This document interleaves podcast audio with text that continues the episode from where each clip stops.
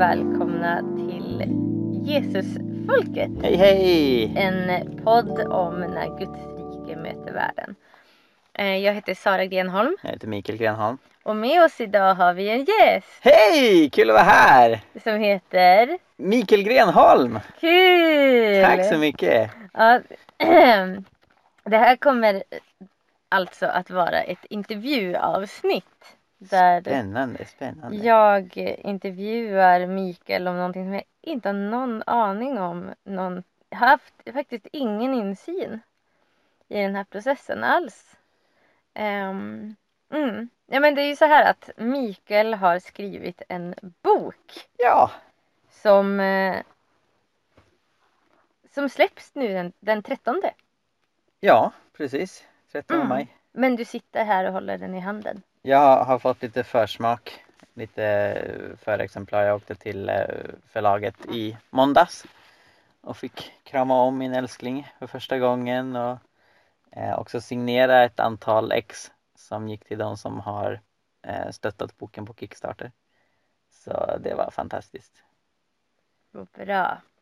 Men hur känns det nu då? Ja, det känns som att ha fött ett barn. Minus smärtan. Men eh, glädjen, liksom lyckokänslorna, det, det är de samma. Tror jag. Det, det har ju faktiskt ingen, ingenting att, att referera de känslorna Men till. det alltså Men du har, du har inte heller du, du har inte släppt en bok Sara, så du vet inte hur jag känner, eller hur? Nej, nej men visst. Men jag Och- tänkte att du vet hur... eh, Vår, vår vän Therese Eriksson som var med och pratade med oss om psykisk ohälsa i början av året. Eh, hon skrev på Facebook att eh, jag kan intyga att känslorna är väldigt liknande. Och hon har fött barn. Mm. Så eh, Men hur vet du vad hon kände? Du kan inte känna hur hon känner. ja, i vilket fall, du frågar mig hur det känner, jag försöker svara på din fråga. Nej men jag, jag är väldigt glad, eh, väldigt tacksam att allt har gått så bra, väldigt nöjd med förlaget och väldigt pirrig i magen för hur folk i allmänhet kommer reagera på den här boken, vad folk som läser den tycker, vad recensenter kommer skriva. Det, det är lite som att åka berg och dalbana. Eh, Åka berg och dalbana och föda barn alltså. ja, men exakt. Jag tänker Mm. att, att det är som att föda barn i en berg och dalbana. Mm, Ungefär så. exakt. Mm. Vad härligt det låter. Mm, tack, tack. Mm. jag rekommenderar det. Ja, men, eh, men ehm, du har jobbat med den här boken väldigt länge. Ja. Eh, hur kom du på idén till boken? ja, om man backar bandet väldigt långt så var det egentligen 2010-2011 som jag första gången verkligen började mig intressera sig för eh, dokumenterade mirakler på allvar. Och just så här äh, medicinskt verifierade helanden när läkare kan intyga att det har skett något på riktigt. Um, för det var en period när jag verkligen ville utforska det mirakulösa, utforska andens gåvor och också ta reda på det. Är det, är det på riktigt? Um, finns det liksom goda grunder att tro på det eller är allt bara placeboeffekt eller folk som inbillar sig överdrifter och så vidare. Um, så om man går tillbaka i hela pingstens katalog, alltså bloggen som jag skrivit på i tio år, eh, så hittar man ett långt inlägg som heter medicinskt verifierade helanden som är skrivet någon gång då under den perioden, jag tror i Mm. slutet av 2010, eh, med massa exempel. Flera av de så här källorna kan man ha lite frågetecken kring och så vidare. Men medan andra är mer så här, eh, ja, har, har goda grunder och så vidare. Så det, det var mitt första försök och sen så har jag liksom försökt sätta mig in i det periodvis. Ehm, länge kände behov av att det behövs en bok på svenska som liksom sammanfattar det här. Och det var egentligen, tror jag, för två år sedan som jag slogs av idén att det kanske är jag som ska skriva den här. Så redan när jag bodde i England, när du och jag precis hade blivit tillsammans, ehm, så började jag skriva eh, första kapitlet på dokumenterade mirakler. Fast då hette det Det mirakulösa gudsbeviset. Och den texten var förfärligt torr. Alltså det är något av det torraste som jag någonsin har skrivit. det var då tänkte jag målgruppen som så här eh, superinsatta och nördiga apologeter så jag tänkte mig en målgrupp av runt 50 pers ungefär. jag vet inte varför. Mm. Eh, och jag tänkte så här för vid det laget hade jag satt mig in en hel del i apologetik och argument för Guds existens och såg att moderna mirakler var frånvarande från diskussionen. Man pratar om universums tillkomst, man pratar om Jesu uppståndelse och hans mirakler för 2000 år sedan men just det här mirakler som sker idag är inte något som apologeter lyfter när de debatterar mot ateister. Mm. Um, och jag kände men det borde man ju kunna göra. Och så började jag fundera på just så här, hur kan man utarbeta ett filosofiskt argument för Guds existens utifrån mirakler? Hur kan man för det första argumentera på ett sätt som förhoppningsvis kan få en och annan skeptiker övertygad att mirakler finns på riktigt. Mm. Så det började jag fundera på för två år sedan och sen så för um, ett år sedan, drygt ett år sedan i början av 2018 eh, då så hade jag sökt ett gäng stipendier för att se om jag skulle kunna få napp och då fick jag det i januari från Kristna Publicistförbundet. Och det gav mig tillräcklig motivation och uppmuntran att, att göra en Kickstarter. För stipendiet jag fick därifrån räckte inte för att liksom kunna avsätta en termin och skriva en bok. Um, så då gjorde jag en Kickstarter för att få mer finansiering för det och den gick väldigt bra. Mm. Eh, så då kunde jag ägna 20 timmar i veckan åt att skriva bok eh, under hösten 2018 och sen har jag ju lagt ner en hel del nu under våren 2019 med redigering och göra hemsida och allt möjligt. Mm. Så det är bakgrunden helt enkelt. Att mm. Jag såg ett behov av den här boken, jag insåg att jag själv borde kunna skriva den och så gjorde jag det. Mm. Mm. Men hade du liksom när du när du tänkte att du skulle skriva boken hade du något tydligt syfte varför du skulle, skri varför du skulle skriva den och har det förändrats under resans gång? Oh, vilka bra frågor du ställer Sara! Tack. Ett primärt syfte har varit att kunna svara på frågor hos skeptiker som jag har mött själv när jag varit ute på stan och evangeliserat med mosaik eller pannkakskyrkan. Så är det väldigt ofta så här när ämnet har kommit in på mirakel eller bönesvar och så vidare. Så är det många som säger nej men det finns det inga bevis för.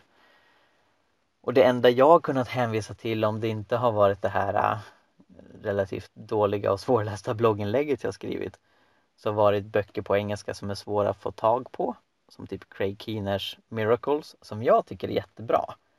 Men äh, den är på 1200 sidor, det kostar 600 kronor och eh, har tusentals fotnoter.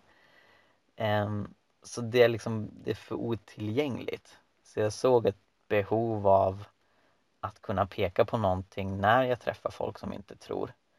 Ehm, på svenska som är lättillgängligt men som också är kvalitativt och som går till de bästa källorna och pekar på att det finns vetenskapligt oförklarliga tillfrisknanden efter bön.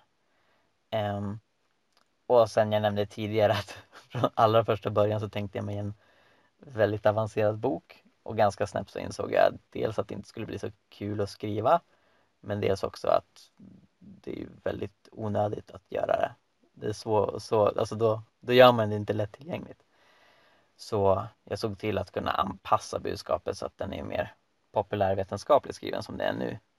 En del humor, några ordvitsar Tyvärr för dig Sara, du gillar inte dem mm. men jag försöker gå ut till de breda massorna, göteborgare och så vidare. Um, men inte till en sån grad att liksom hela boken blir oseriös, att det blir ett skämt. Men så här att jag, jag kryddar med lite humor, med lite färgstarka liknelser som gör att folk ska kunna liksom minnas de abstrakta poängerna. Och sen så märker jag också att det som verkligen folk eh, ja, men relaterar till och vill veta mer om det är ju berättelserna om de här personerna mm. av kött och blod som har blivit friska.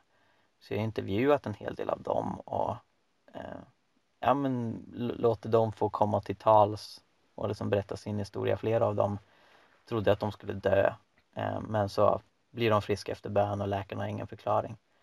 Eh, och det jag har märkt är att eh, det, det, finns ett stort intresse för boken, självklart från många kristna men en och annan ateist och skeptiker också nyfiken, vill se liksom vad är det här för någonting, hur, hur goda är argumenten? Och så en hel del folk inom eh, new age-rörelsen har visat intresse för boken. Och det var väl inte något som jag hade räknat med från början. Eh, jag skulle inte säga att boken som den är skriven är direkt anpassad efter dem. Mm. Eh, men jag tror att många av dem också kan få ut någonting från den och hela boken mynnar ut i ja, men diskussion om vilken religion som är rätt och hur, hur man ska förstå övernaturliga fenomen i olika sammanhang.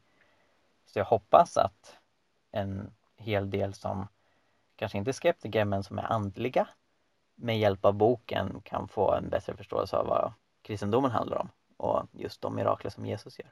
Det är ju en ganska bred målgrupp, alltså att du delvis har liksom eh, målgruppen kristna med allt vad det innebär. Allt ifrån kristna som är skeptiska till mirakler eh, till att börja med eh, till kristna som brottas med frågorna hur ska man hantera att Gud inte hela alla eh, till kristna som bara vill ha en uppmuntrande bok om vad Gud gör idag till ateister som absolut inte tror på det här. Hur liksom balanserar du de målgrupperna? Hur har du tänkt kring det?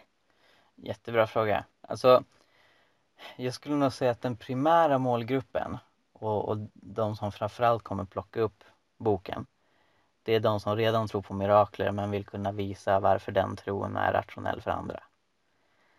Och det, det, är liksom, jag, jag, tror inte att jättemånga ateister kommer rusa till bokhandlarna för att köpa den här. Ehm, jag vet som sagt ett par stycken som, som är intresserade som vill läsa den.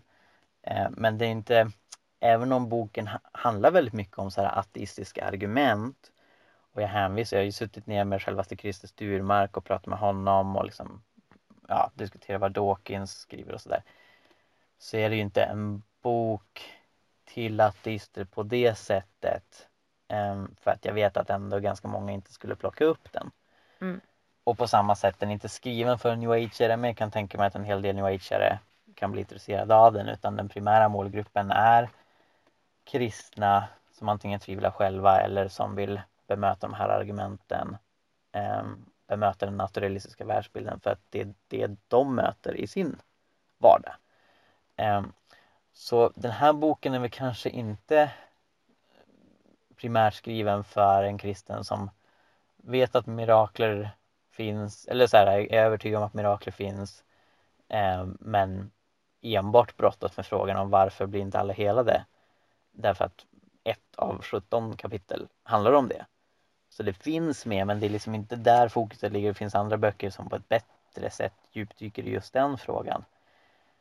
Utan huvudfokus i den här boken det är just att etab alltså, kunna etablera, visa för någon annan eller sig själv varför det är högst sannolikt att mirakler existerar och hur, hur man bör förstå det, vad det bör, bör få för konsekvenser.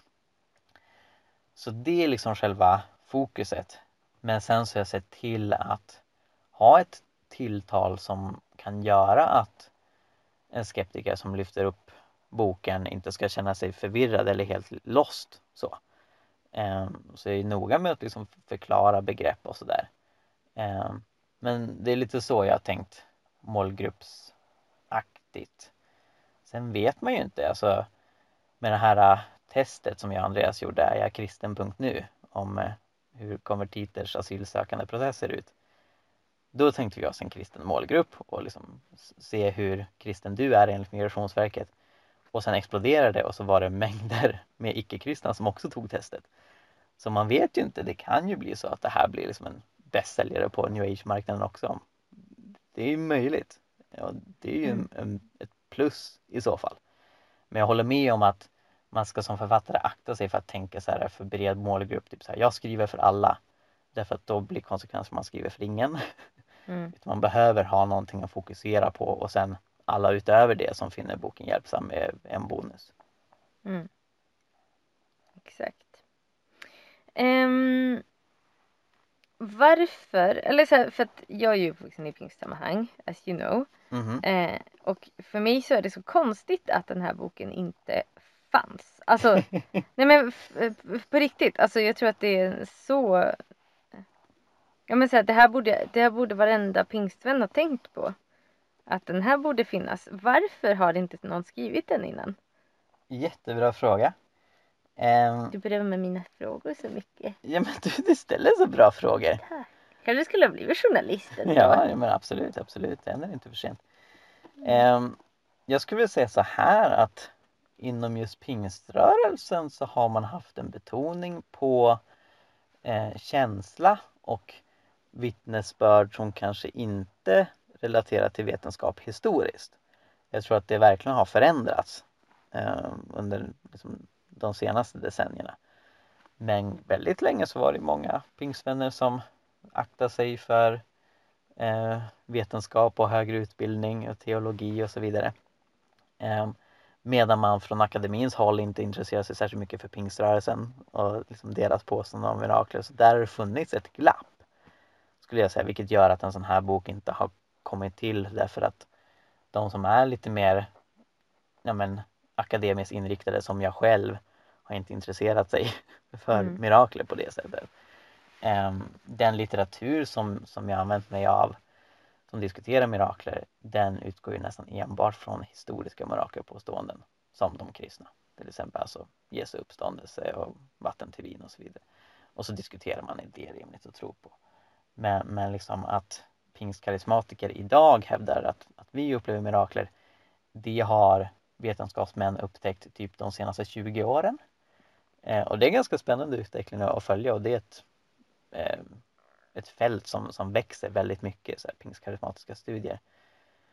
Vilket handlar delvis om att då flera pingstkarismatiker själva har gått in i akademin. Men också att ja, men man börjar bryta ner tabu, man börjar bryta ner liksom föreställningar om att det här har inte med, med kunskap att göra utan man inser att ja, men här är det väldigt många människor som hävdar det här. Eh, jag tror också att eh, den postkoloniala trenden inom akademin har hjälpt till. Eh, så idag så är det väldigt vanligt, ehm, inte minst här på Uppsala universitet, att man betonar att förr så har vi haft ett så väldigt vitt tänkande kring hur vi bedriver vetenskap och vi har utgått från att vårt eget perspektiv är rätt på bekostnad av ja, men, människor som inte är vita människor som kommer från andra kulturella kontexter. Så inom antropologin har det blivit väldigt vanligt numera att när man undersöker ett stamfolk någonstans så utgår man inte från att deras religiösa påståenden eller deras övernaturliga påståenden är felaktiga utan man är mer öppen. Och det är en väldigt ny utveckling mm. eh, som har gjort att ja, fältet har öppnats upp. Det har inte riktigt spridit sig till att studera kristna mirakelpåståenden än. Mm. Men liksom öppningen finns där. Mm. Men sen så tänker jag också kanske att, eh, alltså, att man inom många karismatiska kretsar också att det har varit förenat med ett frakt för vetenskap. Ja. Och att man därför inte har sett det som viktigt att kunna eh, nej men så här, att kunna liksom bevisa vetenskapligt eller ens argumentera vetenskapligt för existensen av mirakler för att man tänker snarare bara om, om de bara får, får ett starkt och kraftigt gudsmöte. Ja. Då kommer inte det behövas. Typ. Nej men precis och också det här att man åtminstone förr till väldigt stor grad har tänkt att tro och vetande står emot varandra. Och det är något som både ateister och kristna har argumenterat för. Mm.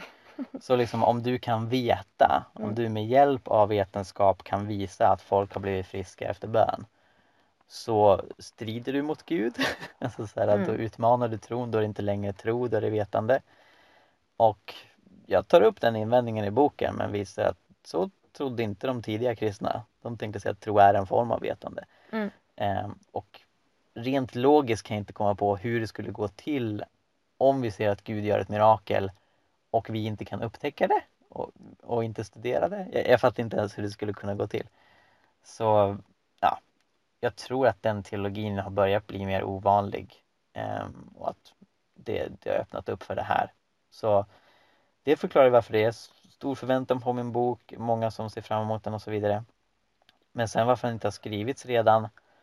Jag har stött på några böcker som har med läkardokumentation som till exempel Maria Johansson som är med i min bok.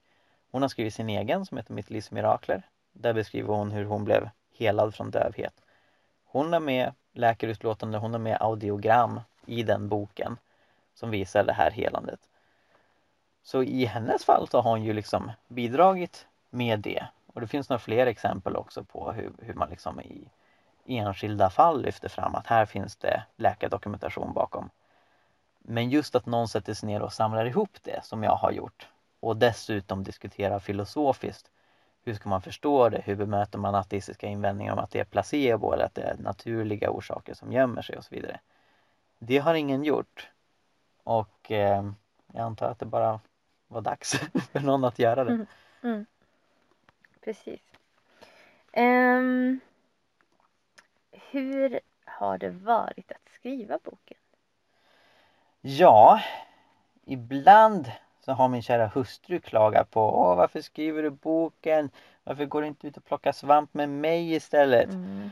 Då har det varit svårt, då har det varit en, en prövning verkligen. Men jag har stått fast i min kallelse och eh, suttit inomhus framför datorn timme ut och timme in. Trots att du bara vill vara ute i skogen och plocka svamp. Precis, precis. Jag har stått emot den frestelsen.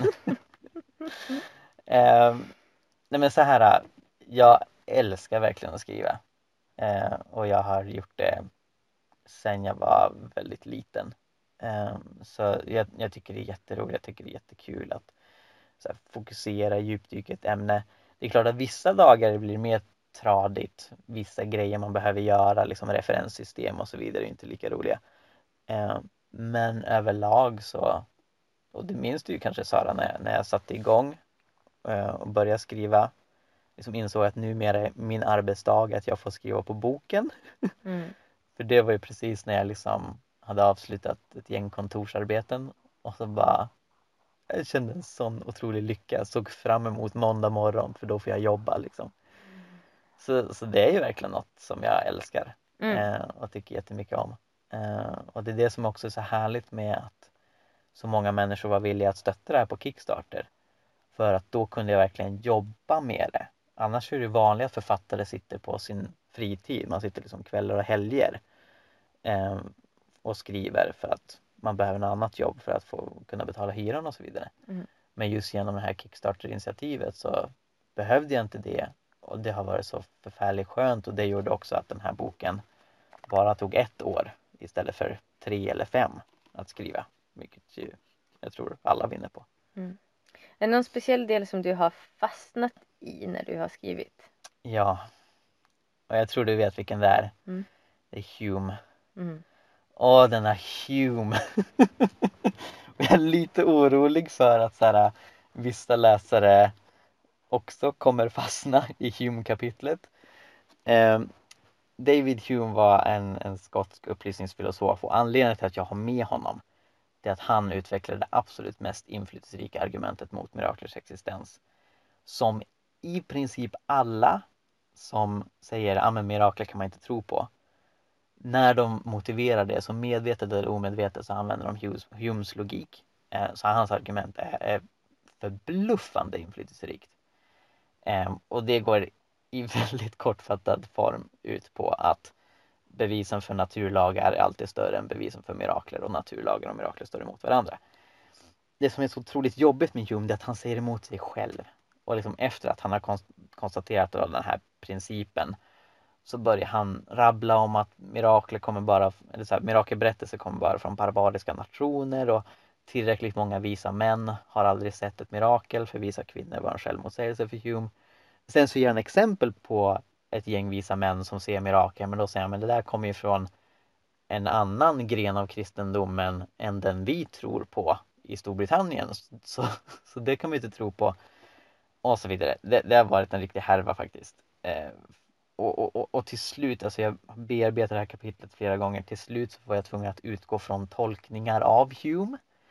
För jag kan inte säga exakt vad det var Hume menade för att det är så otroligt virrigt och, och svårhanterligt. Um, och, och, det som har gett mig huvudvärk det är just att jag har läst honom, jag har läst kommentarer om honom så tror jag okej, okay, han säger nog det här men så läser jag lite mer. Nej, nu säger han mot det som jag trodde att han sa jag har försökt att, att dels dela upp det här kapitlet i många olika underdelar som ska göra det lite enklare att läsa och sen också krydda det med en del humor och liknelser som förhoppningsvis gör att även läsare kan hänga med i det. Men Samtidigt så skulle jag vilja slänga med en brasklapp om det är några lyssnare som har köpt boken eh, och har börjat läsa den. Om du fastnar i Hume-kapitlet, känn dig fri att hoppa över det. Mm. För jag, jag tror det finns en risk att så här, folk läser där och, och tycker precis som jag, liksom, åh det här blir väldigt komplicerat och så kanske man lägger ner boken. Men istället för att göra det, hoppa bara över Hume-kapitlet. Det, det är viktigt att det behövde ändå skrivas för att det är ett inflytelserikt argument. Men det gör inte så mycket om man hoppar över det om man tycker att det är svårt. Vad var roligast att skriva då? Oh, ehm, alltså ett Eller det kanske, inte, det kanske inte alltid är just själva skrivandet som är det roligaste. Jag kan tänka mig att vi har haft väldigt många intressanta samtal. Jo, ja men absolut, det har jag. Men sen tycker jag som sagt att det är väldigt roligt att skriva också. Eh, och eh, men ett av de kapitel som jag är mest nöjd med det är kapitel två. Ehm, som från början inte var kapitel två, det är det enda kapitlet jag har flyttat. Men jag, jag var så pass nöjd med det så jag tänker liksom det här ska man få ta del av redan i början. Ehm, och, och det beskriver eh, historien bakom dels tron på helande i kristen tradition. Mm. Men också bönestudier. Alltså så här, hur länge har man försökt på ett vetenskapligt sätt undersöka om bön fungerar? Och svaret är 500 år, vilket inte så Mm. många vet. Det finns till och med en teori som en forskare som heter Simon Ditchfield har argumenterat för att eh, katolska kyrkans försök att vetenskapligt verifiera om mirakler har skett var en grundläggande faktor för den västerländska vetenskapen.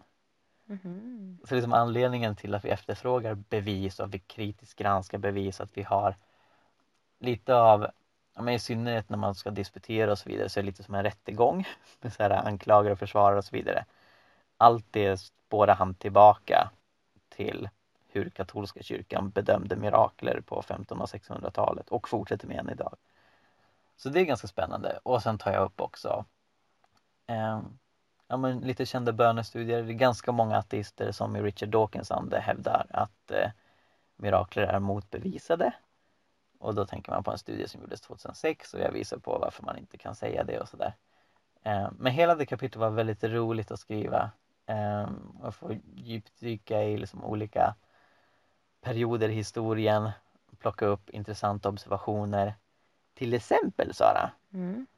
att det jag nämnde tidigare, den här tanken om att vi ska inte undersöka mirakler därför att vi prövar Gud och, och det går emot tron. Det används av ganska många ateister idag.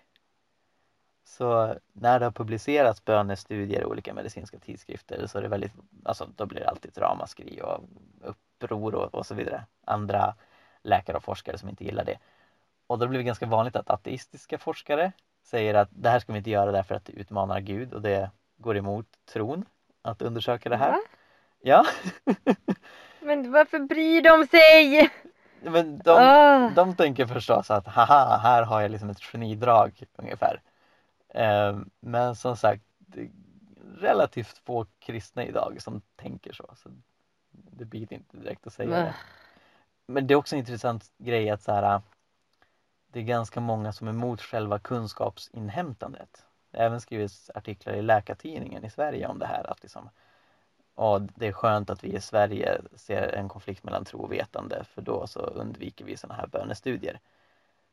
Och, och, och då är det liksom inte bara så här slutsatsen bön fungerar som man är emot utan man är emot att ens undersöka om det är det eller om Mm. motsatsen är sann.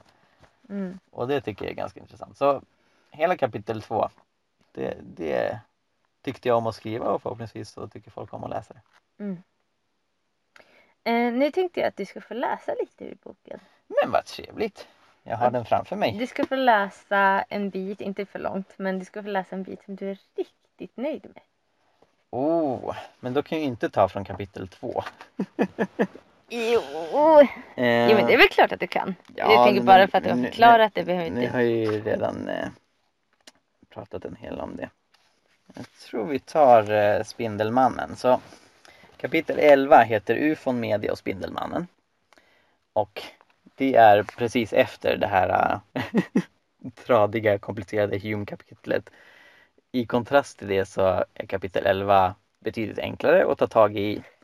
tre argument mot mirakler som är inspirerade av Hume kan man säga, så man kan se liksom kopplingar till Humes tankegångar. Men man formulerar dem sällan som humiska argument utan många ateister använder dem eh, som självklarheter. Och jag visar varför de inte funkar. Så ett av de här argumenten är extraordinära påståenden kräver extraordinära bevis. Har du hört det någon gång Sara? Att folk säger det? Uh, nej. Du har inte det? Nej. Då är du förskonad. Det är jättevanligt att ateister säger det och just som anledning att inte tro på mirakler eller religiösa påståenden överhuvudtaget. Okej? Okay? Eh, och Christer Sturmark som jag då har intervjuat, han säger så här. Om vi ska gå på bio och du säger till mig att filmen börjar klockan sex, då har jag ingen som helst anledning att tvivla på det. Du kan ändå ha fel för du har läst fel i tidningen, men jag skulle ändå tro det utan att dubbelkolla. Men om det var så att vi bodde i ett land där det var förbjudet att visa film efter klockan sex och du sa det, så skulle jag säga Va? Menar du verkligen att det är klockan sex? Och så dubbelkolla det. Kort sagt, det är lite mer osannolikt att du har rätt och då behövs det lite mer evidens för att jag ska tro dig. Och om det så skriver jag så här. Idén låter vettig. Påståendets radikalitet matchas av bevisets styrka. Men vad menas egentligen med extraordinära bevis? Varför räcker inte goda bevis? Min erfarenhet är att försvarare av denna slogan sällan har bra svar på det. Inför inspelningen av Spiderman Homecoming så skämtar den brittiska skådespelaren Tom Holland, som spelar huvudrollen i filmen, med sina överordnade på Marvel Studios om att de borde låta honom gå på en amerikansk high school så att han kunde leva sig in i Peter Parkers vardag. De tog det på blodigt allvar. Inte långt efter så befann de sig på Bronx School of Science med ett förfalskat namn och ID. Vare sig lärare eller elever i hans nya klass visste vem han egentligen var. På en av lektionerna vände sig en tjej till honom och frågade misstänksamt Vad är det med dig egentligen? Vill du veta min hemlighet? Jag är Spindelmannen, svarade Tom.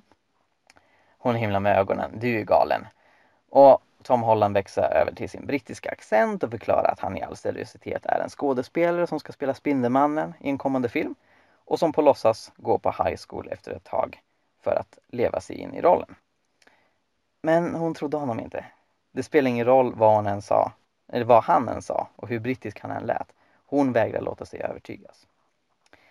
Att hamna i skolbänken, Sara, bredvid den enda killen i världen som spelar Spindelmannen i Marvels cinematiska universum är väldigt extraordinärt. Håller du med? Mm. Mm. Och förmodligen så kommer du, Sara, aldrig träffa en skådespelare som spelar Spindelmannen. Varför inte? Än mindre plugga tillsammans med honom. När Tom Holland meddelar tjejen att han är den han är så hade hon all rätt att vara skeptisk. Man behöver inte vara humian för att inse att sannolikheten att Tom ljuger förmodligen är större än att han faktiskt är Spindelmannen. Men om Bronseleven därefter gick och såg Spiderman Homecoming på bio och observerade Tom svinga omkring bland skyskraporna i röd pyjamas anser dock de flesta av oss att hon gör rätt i att tänka om. Men i så fall stämmer det inte att extraordinära påståenden kräver extraordinära bevis. För en biofilm är ett rätt ordinärt bevis. Det är ett gott bevis som styrker Toms påstående men det är knappast extraordinärt.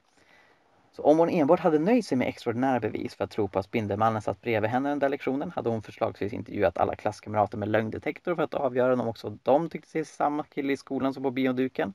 Hon hade DNA-analyserat objekt som Tom kom i kontakt med både i klassrummet och i filmstudion. Och hon hade noggrant studerat familjen Hollands närhistoria för att försöka garantera att Tom inte har en hemlig tvilling som spelar skolelever ett spratt medan hans bror är upptagen med att slåss mot stuntmän framför en green screen. Vid det här laget skulle dock vår privatdetektivs vänner fundera på att ringa psykakuten snarare än att nominera henne till Mensa. Varför nöjer hon sig inte med att konstatera att killen på filmaffischen ser ut som killen hon och hennes kompisar såg i skolan, som dessutom rätt och slätt sa att han skulle dyka upp på filmaffischen. Att kräva extraordinära bevis när man redan har tillgång till goda bevis är inte ett tecken på en hög grad av rationalitet utan snarare en hög grad av dogmatism. Tack! Varsågod! Bra gjort. Mm. Spindelmannen. Alltså, åh. Nu, nu kommer det en ny Spindelmannen-film som heter Far from home. Vad bra! Jag tycker de kan sluta nu. Okej. Jag är inte imponerad av Spindelmannen. Åh, vad less jag är. Okej, men nu ska vi inte prata om mina känslor kring Spindelmannen. Eh, Det jag ska fråga dig, det är eh, eh, när vi ändå är inne på motargument till det du har skrivit till existensen av mirakler. Mm. Vad skulle du, vad är det bästa motargumentet du har stött på och hur bemöter du det? Det bästa skulle jag utan tvekan är, säga är ehm, om nu Gud helar människor varför blir inte amputerade människor helade? Varför växer inte amputerades kroppsdelar ut? Och ett väldigt praktiskt och enkelt sätt att besvara det hade helt enkelt varit att peka på dokumenterade fall när amputerades kroppsdelar växer ut. Men jag har inte stött på sådana fall. Så, Mm. så det har gjort det till den svåraste invändningen att svara på. Det jag har observerat, det jag har med i boken, det är liknande fall eh, in, som inte involverar amputerade men det involverar kroppsdelar som materialiseras. Men det är kanske lite mindre än ett ben, liksom ett helt ben som växer ut. Men till exempel så en kille som hette Ben som blev påkörd av en bil och 7 cm av hans skenben får ut ur benet så Ben förlorade sitt ben. ben. Eh, han fick det tillbaka på ett sätt som läkarna inte kunde förklara. Så det var som ett hålrum i hans ben och de sa att om vi inte behöver amputera dig så kommer det fortfarande vara halt resten för livet. Um, och han hade det i gips och så vidare. Men, men sen så när de tog honom till en ny röntgen och undersökte honom så var det som att han hade ett helt nytt ben. Och jag har fotografierna på det här i boken. Det borde ju vara lika omöjligt som att inte bara skelettet utan allt annat också liksom materialiseras och växes ut. Um, på samma sätt, det finns också några andra exempel som är med i boken som, som, som borde handla om det som skeptiken hävdar är sant omöjligt. Och sen problematiserar ju också den uppdelningen som skeptiken gör för då tänker man sig att ett amputerat ben eller en amputerad arm som växer ut, det är något sant omöjligt. Medan till exempel cancer som försvinner, det är bara skenbart omöjligt men kan hända. Och jag frågar mig om båda de scenarierna betraktas som vetenskapligt oförklarliga av en läkare. Vad är det som gör att vi kan dra den linjen mellan liksom sant omöjligt och skenbart omöjligt? Hur avgör vi det? Um, så det finns svar att ge men av de olika invändningar som jag diskuterar så skulle jag nog kröna den som den svåraste invändningen att tackla. Mm. Mm. Eh, vad skulle du säga är det häftigaste miraklet du har stött på då? Oj, oj, oj. Alltså det, det är många häftiga mirakler i den här boken. Eh, men ett, ett som har, har talat ganska eh, starkt till mig det är eh, Per-Ola Malm som hade ALS. Det är samma sjukdom som Stephen Hawking hade. Eh, och det, Stephen Hawking var ett ovanligt fall för han överlevde väldigt länge. Eh, han, han hade ju den här sjukdomen i 40-50 år och sånt där. Vanligtvis så dör man efter fem. Eh, men det är en obotlig sjukdom, det är en sjukdom man inte kan bli frisk ifrån, det är en sjukdom som alltid leder till döden. Även om det då i vissa fall kan ta väldigt lång tid. Eh, och Per-Ola diagnostiserades med ALS 87. Eh, och efter att han fått förbön av sin pastor, efter att han upplevde ett tilltal från Gud, så reste han sig upp ur sjukhussängen, kunde gå och då hade han varit rullstolsburen i flera månader. Eh, och alla symptom försvann och liksom, han har kunnat leva normalt sedan dess. Han lever än idag. Eh, och läkarna tog aldrig tillbaka diagnosen. Alltså de, de sa inte vi, vi måste ha gjort något fel, det handlar om någon annan sjukdom. Utan de stod fast vid Mm. det här ALS. Faktum är att Sveriges då ledande forskare på ALS eh, docent Cosetti tror jag han hette.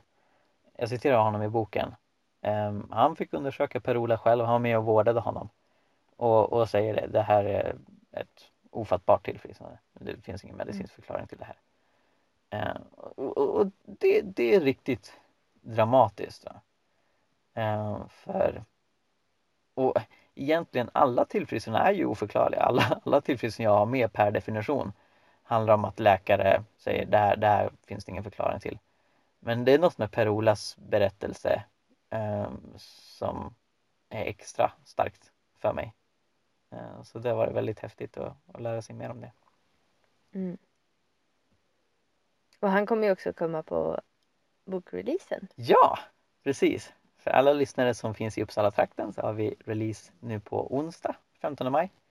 Då kommer Per-Ola och också Maria som jag tror jag nämnde tidigare som blev helad från dövhet. Eh, och jag. Och Sara. Och många andra kommer vara där. Så det blir kul.